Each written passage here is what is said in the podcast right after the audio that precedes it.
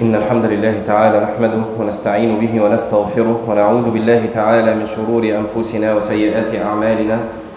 من يهده الله فلا مضل له ومن يضلل فلا هادي له. وأشهد أن لا إله إلا الله وحده لا شريك له وأشهد أن محمدا عبده ورسوله. يا أيها الذين آمنوا اتقوا الله حق تقاته ولا تموتن إلا وأنتم مسلمون.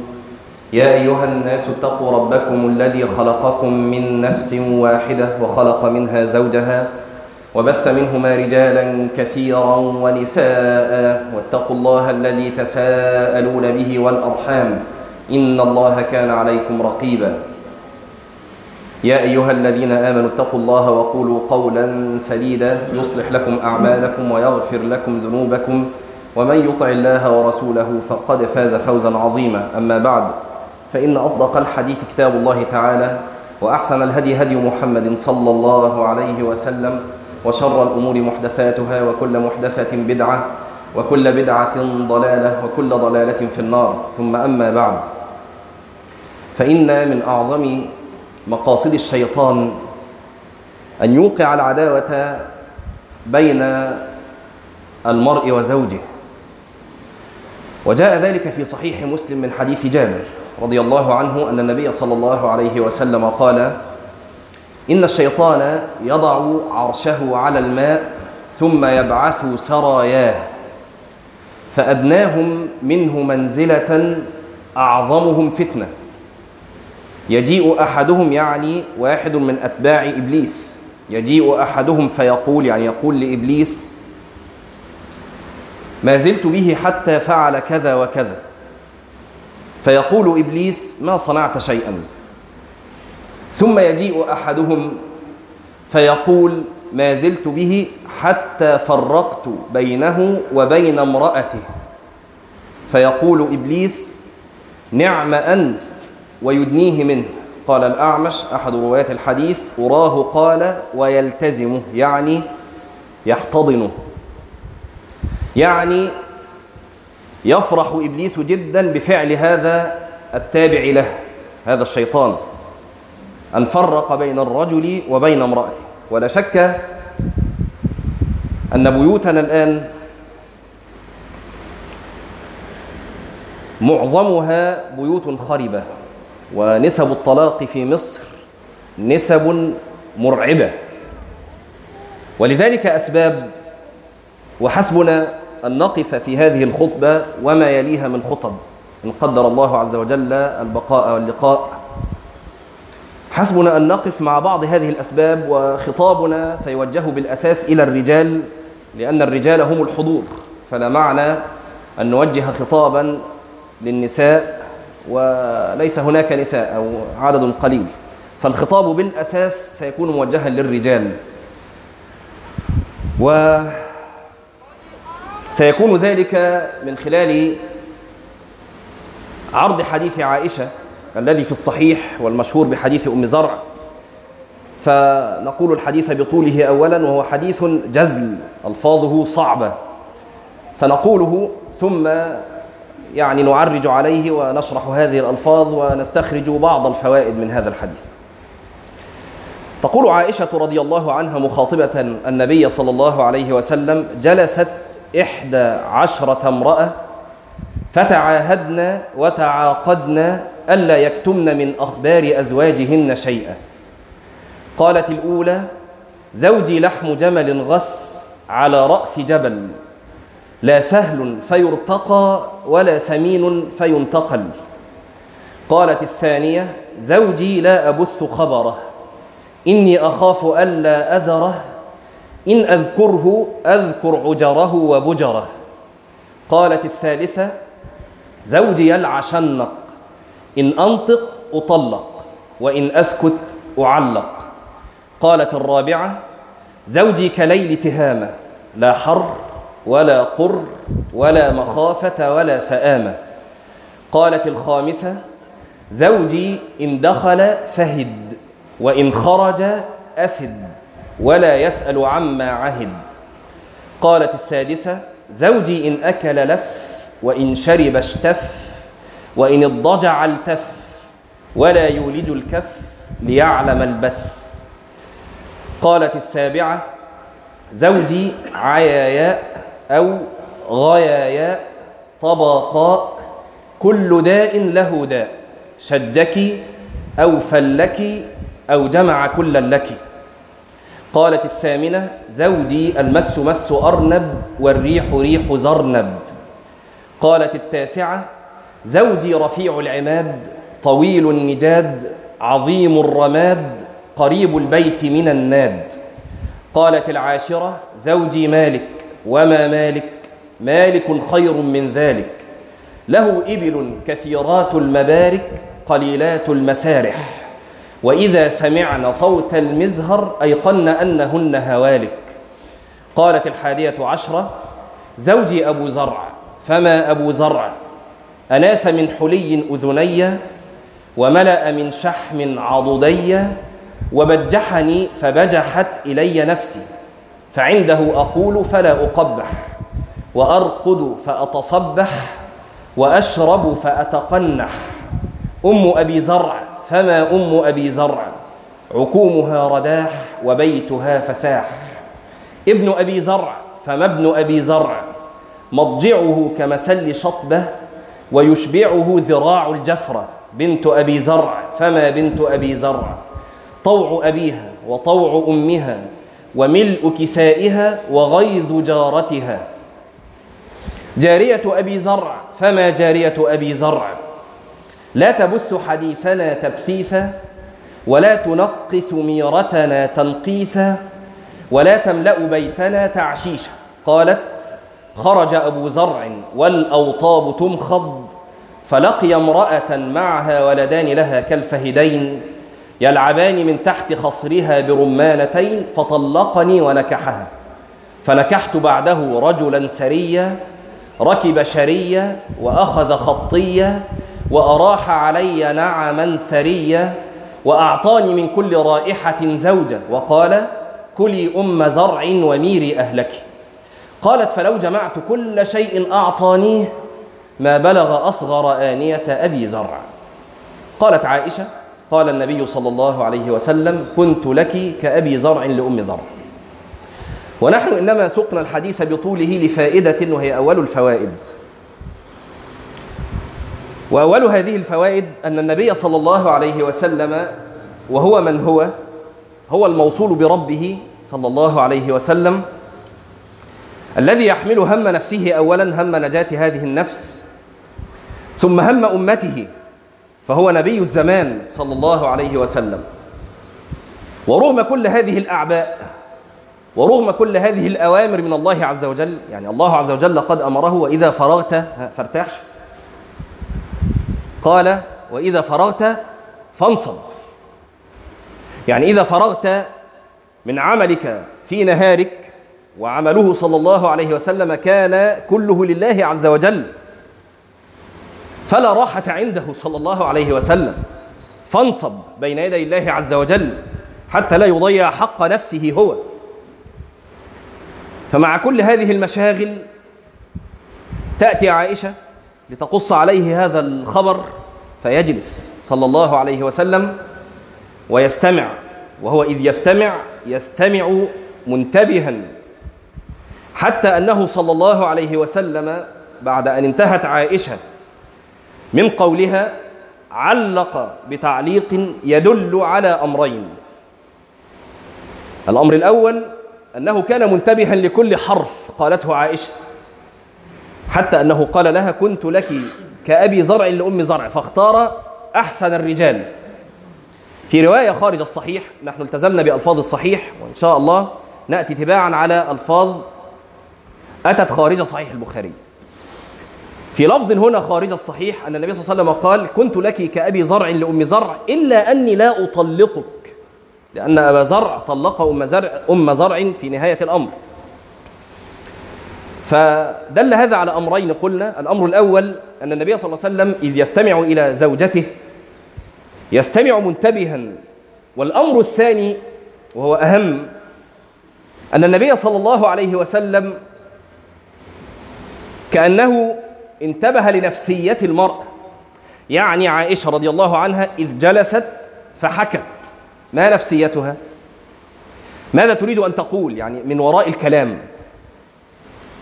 وهذا مهم جدا للرجال أن يفقهوا مهم مهم لكل أحد ولكن كما قلنا الخطاب موجه بالأساس للرجال للحضور. مهم انت انت تفهم نفسية المخاطب الذي جاء ليتكلم إليك. ربما هناك نفسية وراء ما يتكلم به. فعائشة رضي الله عنها اولا تريد أن تأنس لزوجها. فهو قبل أن يكون النبي صلى الله عليه وسلم فهو زوجها فتريد أن تانس إليه.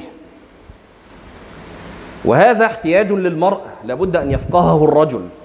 ثانيا كأنها تريد أن تسمع من النبي من النبي صلى الله عليه وسلم كلمة تطمئنها أنه لا يفارقها ابدا. فأعطاها النبي هذه الكلمة. كنت لك كأبي زرع لأم زرع غير أني لا أطلقك. فتطمئن لذلك نفسها رضي الله عنها وصلى الله على النبي صلى الله على النبي صلى الله عليه وسلم. ولغة الحوار مفقودة في بيوت المسلمين خصوصا بعد انتشار هذه الهواتف الذكية ومواقع التواصل الاجتماعي. كل مشغول في عالمه الافتراضي الذي صنعه هو بنفسه لنفسه. وهذا العالم الافتراضي خطير جدا. عالمك الافتراضي هذا هو عالم كما يسمونه عالم افتراضي ليس عالما واقعيا. خطورة هذا العالم أنك أنت الذي صنعته لنفسك. فقد صنعته على نحو يلائم نفسيتك أنت. فأنت بيدك تدخل في عالمك الافتراضي من تشاء وتحجب من تشاء. وأنت بنفسك تتابع الأخبار من المصدر الذي تريده أنت. يعني إذا كان هناك مصدر للأخبار لا يروق لك وليس على هواك بيدك أن تحجب هذا المصدر.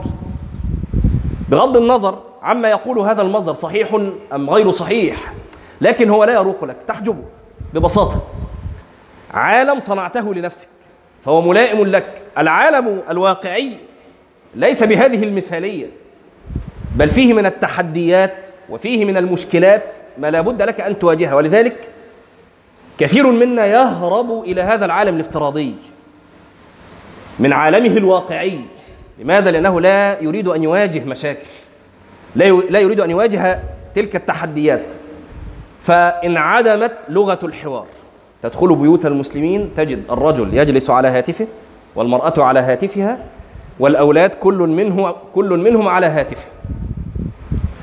طيب هل تستطيع أن تترك هاتفك؟ تجد المشاكل قد ابتدأت بين الرجل وبين امرأته بين الرجل وبين أولاده بين المرأة وبين أولادها مشاكل. لماذا؟ لأنه لا يوجد بيننا لغة حوار أصلا. فقدنا هذه اللغة. لا تستطيع أن تجلس لتحاور امرأتك. دقيقة دقيقتان وتقوم. لا تستطيع. تهرب إلى عالمك الافتراضي الذي ربما جلست عليه بالساعات. وأنا لا أبالغ وأعلم ذلك جيدا من أناس. أصبحوا مدمنين لمواقع التواصل الاجتماعي للفيسبوك وغيره. يجلس عليه بالساعات. طب أين امرأتك؟ أين أنت من امرأتك؟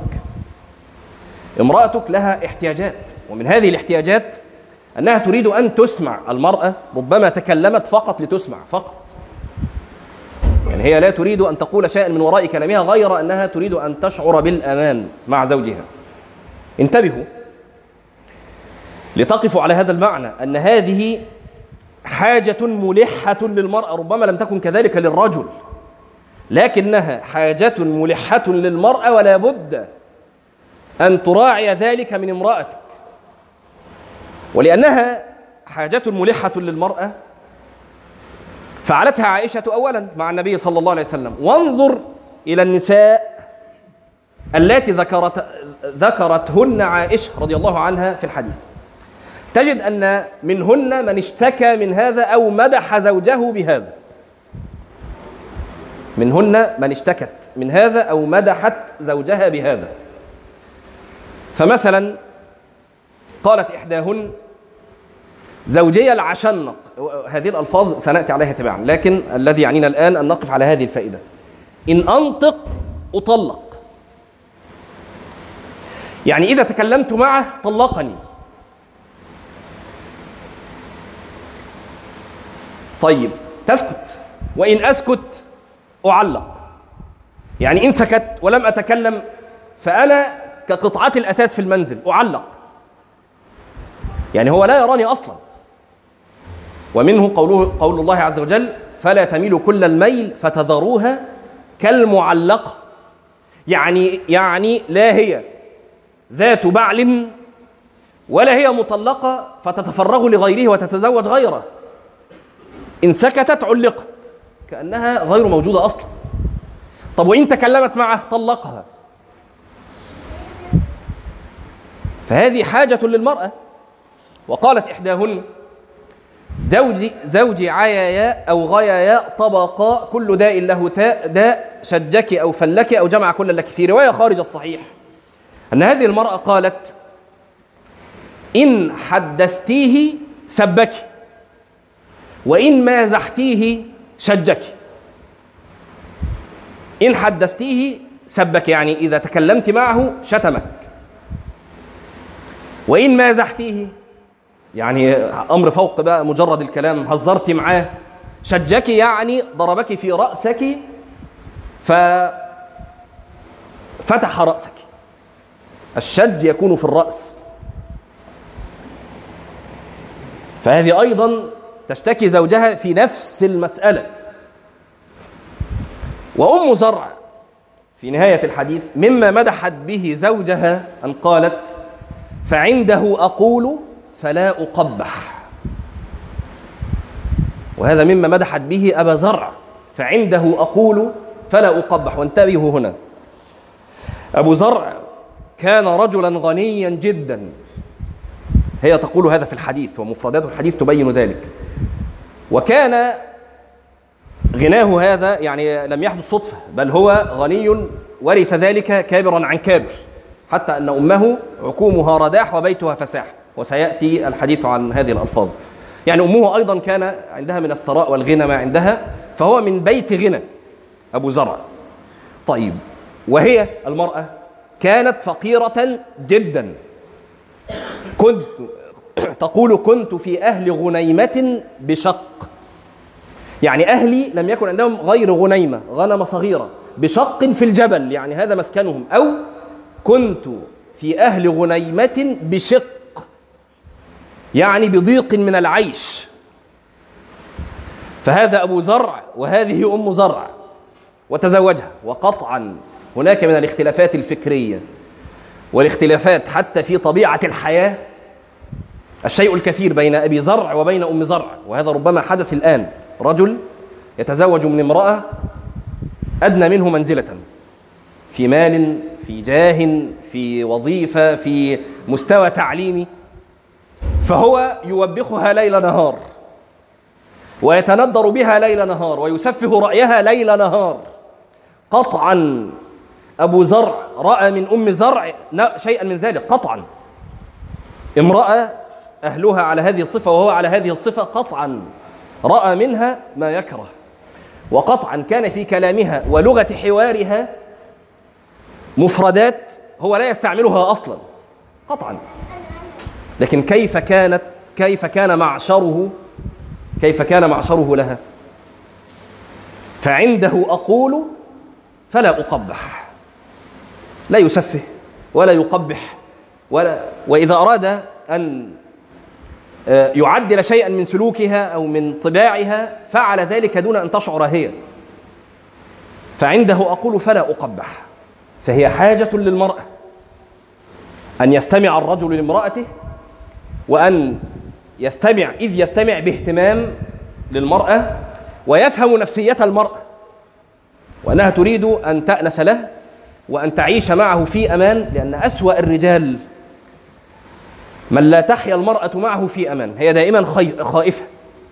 في الحديث الذي معنا قالت إحداهن زوجي العشنق إن أنطق أطلق وإن أسكت أعلق. في رواية خارج الصحيح أنها قالت وأنا معه على حد السنان المذلق. يعني على شفا هلكة بلغة المصريين عايشة معاه على كف عفريت. لا أمان. وأنا معه على حد السنان المذلق. تعرفون السنان يعني حد السيف كده يا جماعة. حد السيف. لو أنت على حد السيف إذا عشت على ذلك فأنت في عذاب. وإذا تحركت أدنى حركة سقطت فهلكت. هذا حال المرأة باختصار. لا أمان مع هذا الرجل. وهذا أسوأ الرجال الذي لا تأمنه امرأته. وأزيدكم أن هذا الرجل يحرم كثيرا من الخير. لماذا؟ لأن رأي المرأة ربما كان فيه الخير وربما كان فيه الصواب وربما كان فيه البركة.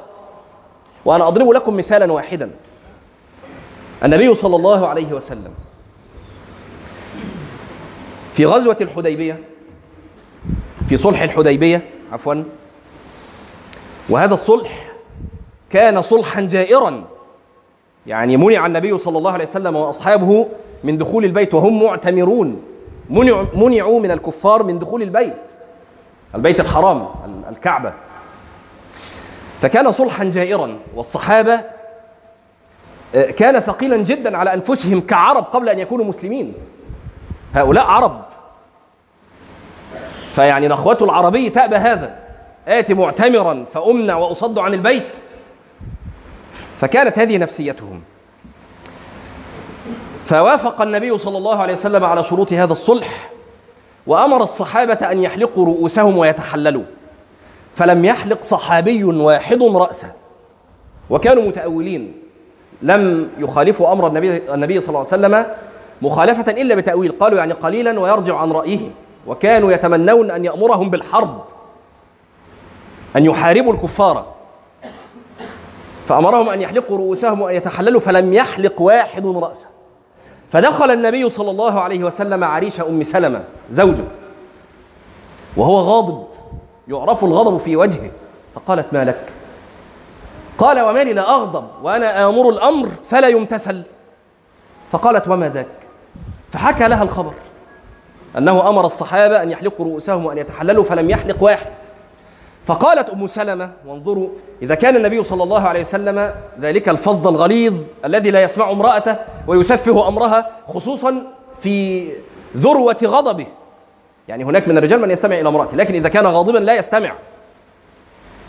النبي صلى الله عليه وسلم في ثورته هذه وفي فورة غضبه يستمع لامرأته وكان رأيها فيه البركة. قالت اخرج ولا تكلم منهم أحدا واحلق رأسك. ففعل النبي صلى الله عليه وسلم ما أمرته به. خرج ولم يكلم صحابيا واحدا وحلق رأسه. فلما رأى الصحابة ذلك علموا أنه لا مفر من التحلل. وهم لما خالفوا أمره كانوا متأولين كما قلنا. فحلقوا رؤوسهم.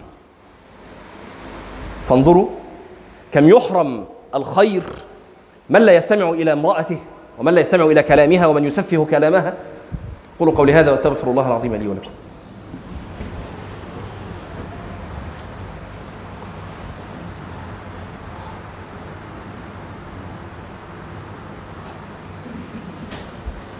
الحمد لله رب العالمين له الحمد الحسن والثناء الجميل وأشهد أن لا إله إلا الله وحده لا شريك له. يقول الحق وهو يهدي السبيل وأشهد أن محمدا عبده ورسوله صلى الله عليه. وعلى آله وصحبه وسلم تسليما كثيرا أما بعد. وحسن الاستماع مهارة. يعني إذا اكتسبت هذه المهارة نفعتك مع زوجك ومع غيرها. وكما قلنا من لا يحسن الاستماع يحرم الخير. و إذا نميت هذه المهارة مهارة الاستماع رزقت الخير كما قلنا من زوجك وذكرنا مثالا على ذلك ومن أتباعك كذلك. يعني إذا كنت مديرا في العمل أو كنت أبا فتستمع إلى أولادك ربما أتى أحد أولادك برأي له وجه من النظر. وأنا أيضا أضرب لكم مثالا واحدا لحسن استماع النبي صلى الله عليه وسلم لأتباعه. في غزوة بدر أنزل النبي صلى الله عليه وسلم الصحابة منزلا للحرب. فأتاه أحد الصحابة وهو الحباب رضي الله عنه حباب بن المنذر. فقال له يا رسول الله هذا المنزل أمنزلا أنزلكه الله عز وجل فليس لنا أن نتقدم عنه أو, أو نتأخر؟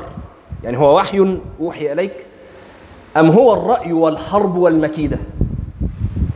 فقال النبي صلى الله عليه وسلم بل هو الرأي والحرب والمكيدة. فقال الحباب فإن هذا ليس بمنزل. وانظروا إلى ثقل هذه الكلمة.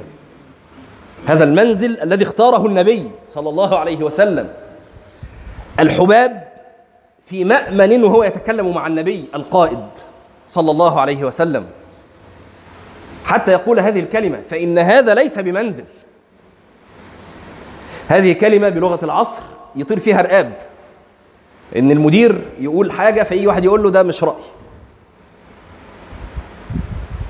الصحابة كانوا في مأمن من هذا معه صلى الله عليه وسلم يعرفون قدره كنبي صلى الله عليه وسلم. لكن إذا اجتهد اجتهادا بشريا ولذلك بدأ الحباب بالسؤال هل هذا وحي؟ يعني خلاص نقول سمعنا وأطعنا. أم هو اجتهاد بشري؟ فنحن الآن نتكلم الحجة بالحجة. فقال بل هو الرأي والحرب والمكيدة. فقال إن هذا ليس بمنزل. وكان ما قال الحباب ونزل النبي على رأي الحباب. وأنزل الصحابة المكان الذي أشار به الحباب وكان النصر حليفا للمسلمين بسبب ذلك. أو يعني كان هذا أحد الأسباب. في غزوة بدر. فاكتسبوا هذه المهارة. حسن الاستماع حسن المحاورة. ولن نكتسبها. السامع والمتكلم أبدا طالما كنا معظم وقتنا نقضيها على هذه الجوالات هذه الهواتف الذكية على هذه المواقع مواقع التواصل الاجتماعي. لأن هذه مهارة كأي مهارة إنما تنالها وتنميها بالممارسة. فأنت أصلا لا تحاور فإذا تركت هاتفك جانبا وبدأت في المحاورة فاعلم أنه سيكون في بادئ الأمر خلافات. ومشاكل. لأن هذه المهارة ماتت خلاص. لكن تحمل ذلك. وواجه هذه المشكلات وواجه هذه الصعاب وواجه هذه التحديات لأن أهل بيتك يريدون ذلك منك. وإن لم يجدوا ذلك منك بحثوا عنه مع غيرك. والخيانات الزوجية على هذه المواقع كثيرة جدا. كثيرة جدا. و يعني أنا أعيد هذا الجمع أن يكون بينهم من يفعل ذلك لكن إن كان ثم من يفعل ذلك فاعلم أن هذه المرأة التي تكلمك وهي ذات بعل فامرأتك أيضا لها احتياجات وربما فعلت ذلك مع غيرك. لا أقول تصل للفاحشة لكن هي تريد أن تتكلم أن, أن تسمع. كذلك ولدك. وأنا سائلك وسائل نفسي آخر مرة جلست فيها مع ولدك لتنقل له خبرات حياتك لتستمع إليه استماع المنصت لتعرف ما وراء كلام الولد كلام ما وراء كلام ولدك. يا جماعة الولد ابنك ربما كان خائفا أن يذكر لك أشياء فيعرض بأشياء أخرى. وأنت لابد أن تكون منتبها وهو يتكلم لتعرف ما وراء كلامه. يخافك. وذكرنا هنا في هذا المسجد في خطبتين. ذكرنا موقفين لنبيين مع نبيين. الموقف الأول ليعقوب عليه السلام مع ابنه يوسف. وكيف لما جاء يوسف وهو ابن سبع سنين طفل صغير. ويعقوب نبي الزمان. عليه من أعباء العبادة وأعباء الدعوة وأعباء الجهاد ما عليه. ويوسف ليس ولدا وحيدا. يعني يعقوب عنده 12 ولد. ومع ذلك يأتيه هذا الولد الصغير ليقص عليه رؤية فيجلس يعقوب ويستمع بإنصات ثم يبدي النصح لولده. والموقف الثاني لإبراهيم عليه السلام مع ولده إسماعيل وكلاهما نبي. وكيف كانت لغة الحوار؟ فلما بلغ معه السعي قال يا بني إني أرى في المنام أني أذبحك فانظر ماذا ترى فانظر ماذا تري. قال يا أبا تفعل ما تؤمر وشرحنا هذا الموقف وأسهبنا في شرحه واستخراج الفوائد منه.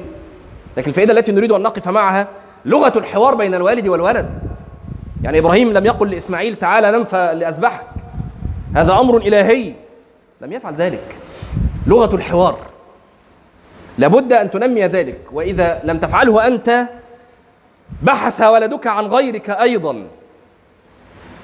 فلا تسل عن كم المفاسد. الآن يا جماعة يعني في الزمان الفائت كان الأب يخاف على ولده إذا خرج خارج البيت. يعني هو الولد واقف مع مين؟ مين صاحبه؟ الآن ولدك وهو أمامك ربما كانت رأسه تملأ بالإلحاد تملأ بالشهوات تملأ بالشبهات وهو على هذا الهاتف وهو أمامك. لا أقول خارج البيت. طب من يقيم ذلك كله؟ ومن يعدل سلوك الولد إذا لم تفعل أنت إذا لم تفعل أنت ذلك؟ فمن لها؟ الخلاصة والفائدة التي نريد أن نخرج بها علينا أن نهجر تلك الهواتف الذكية. علينا أن نهجر تلك المواقع. مواقع التواصل الاجتماعي تفسد البيوت. وأنا أعي ما أقول ومن عالج أمور الناس يعرف يعرف ذلك جيدا. خذ منها بقدرها لكن أن تصير هي الأصل. فتحجبك عن زوجك وعن ولدك وعن حياتك. وعلينا نحن الرجال لأن هذا واجب علينا نحن أن نقيم الحوار في بيوتنا مع أزواجنا ونتحمل منهن ما يكون ونعدل سلوكهن شيئا فشيئا احتسابا لمرضاة الله عز وجل وإقامة لما أقامنا الله عز وجل فيه. هذا واجب علينا وأن نستمع إلى أولادنا. فاللهم اغفر لنا ذنوبنا وإسرافنا في أمرنا وثبت أقدامنا وانصرنا على القوم الكافرين. اللهم أبرم لهذه الأمة أمر رشد يعز فيه أهل طاعتك ويتوب فيه أهل معصيتك ويؤمر فيه بالمعروف وينهى فيه عن المنكر. اللهم ولي أمورنا خيارنا ولا تولي أمورنا شرارنا. اللهم لا تحرمنا خير ما عندك بشر ما عندنا. ربنا آتنا في الدنيا حسنة وفي الآخرة حسنة وقنا